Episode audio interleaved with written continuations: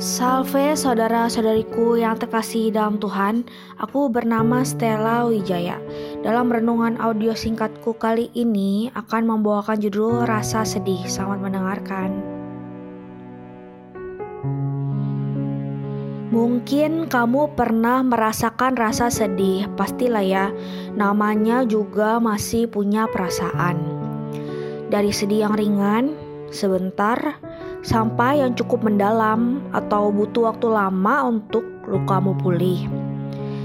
Tapi tidak tahukah kamu bahwa ketika kamu sedih ataupun menangis, Tuhan Yesus juga turut merasakan kesedihanmu. Jangan membuat Tuhan ikut sedih juga, beban dan pekerjaannya sudah banyak. Aku juga dulu orangnya gampang sedih. Setelah aku mengalami banyak pembaharuan rohani dan semakin mengerti lagi, ternyata rasa sedih kita itu mahal, apalagi air mata kita. Jangan sampai air mata kita mengalir dengan sia-sia, apalagi untuk sesuatu yang tidak penting. Sengsaraku engkaulah yang menghitung-hitung, air mataku kau taruh ke dalam kirbatmu. Bukankah semuanya telah kau daftarkan? Maka musuhku akan mundur pada waktu aku berseru. Itu kata-kata dari ayat Alkitab ya. Bagaimana cara kita menangani atau mengatasi? Itu bagaimana juga terkait dengan reaksi kita terhadap segala sesuatu atau peristiwa yang kita alami. Misalnya ada yang melukai hati kita dari perkataan atau dari perbuatan yang tidak bisa kita terima. Kita harus dapat mengontrol emosi kita sendiri ya. Bukan emosi kita yang mengontrol kita. Jangan mudah terbawa-bawa, itu kuncinya. Jadi, di dalam diri kita juga harus ada pertahanan diri yang kuat juga. Kalau menangis, aku dulu ya yang biasanya dibilang udah ibu-ibu juga gitu, masih suka keterusan. Itu juga udah dibatasin sama Tuhan Yesus paling lama satu jam kalau nangis. Dan Tuhan Yesus selalu meredakan nangis aku juga. Atau kadang-kadang Tuhan Yesusnya malah terbawa-bawa ikut nangis juga. Makanya aku jadi berusaha ngerem sendiri. Faktanya yang jadi faktanya sedih yang berlebihan atau menangis dalam waktu yang lama itu tidak berkenan kepada Allah bisa melemahkan ikat pinggang kebenaran kita walaupun nangis kita mempunyai alasan yang kuat misalnya karena kedukaan kehilangan sesuatu atau misalnya kata-kata yang melukai itu akan ada alasan yang kuat ya. Tapi sepanjang dari pengetahuan aku, nangis dalam durasi yang berlebihan itu ya tidak baik, sangat amat tidak baik dan membuka celah bagi yang jahat. Uh, roh jahat itu bukan yang nakut-nakutin ya. Suka mengganggu orang yang apa-apa suka dibawa pikiran, apa-apa suka dipikirin. Jadi ingat Pikirkan yang penting-penting aja, memori kita mahal loh, memori kita juga terbatas. Namanya manusia ada titik lemahnya. Aku tahu kita ada sisi yang kalau kena itu ya di situ sakit, sedih, kayak jadinya mekanisme yang wajar sebenarnya menangis itu. Tapi jangan berlebihan. Kalau misalnya dibilang air mata kita ditampung di kirbatnya, artinya tuh menandakan air mata kita sesuatu yang sangat berharga. Kalau misalnya kita menderita, kita menangis, alasannya karena kita berjuang bagi Tuhan, karena pelayanan, pewartaan, karena kita memberitakan kabar baik. Nah, itu adalah uh, sesuatu yang dihargai, sangat dihargai oleh Tuhan dibandingkan kita hanya menangis karena hal-hal sehari-hari. Obat dari kesedihan yang aku pelajari adalah pengharapan. Contohnya baca kata-kata yang memotivasi, kata-kata yang membangkitkan tujuan hidup.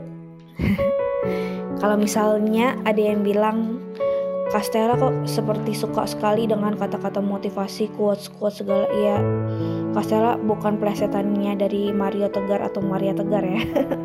nggak nggak, karena aku suka memotivasi orang karena dulu aku orangnya gampang down, suka uh, apa ya namanya emosinya itu harus dikontrol gitu ya. Nah, seperti di kitab Yeremia 29 ayat 11. Ingat gak ayatnya tentang apa? Bunyinya seperti ini.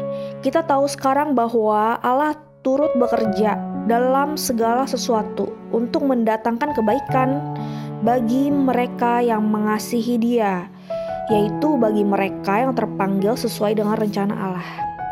Jadi, Coba pikir pakai logika adalah cukup ampuh untuk melawan kesedihan. Misalnya kalau nangis lama-lama nggak baik untuk kesehatan mata dan pikiran kita. Mata bisa bengkak, aktivitas terhambat, kinerja otak jadi bisa kurang konsentrasi dan sebagainya.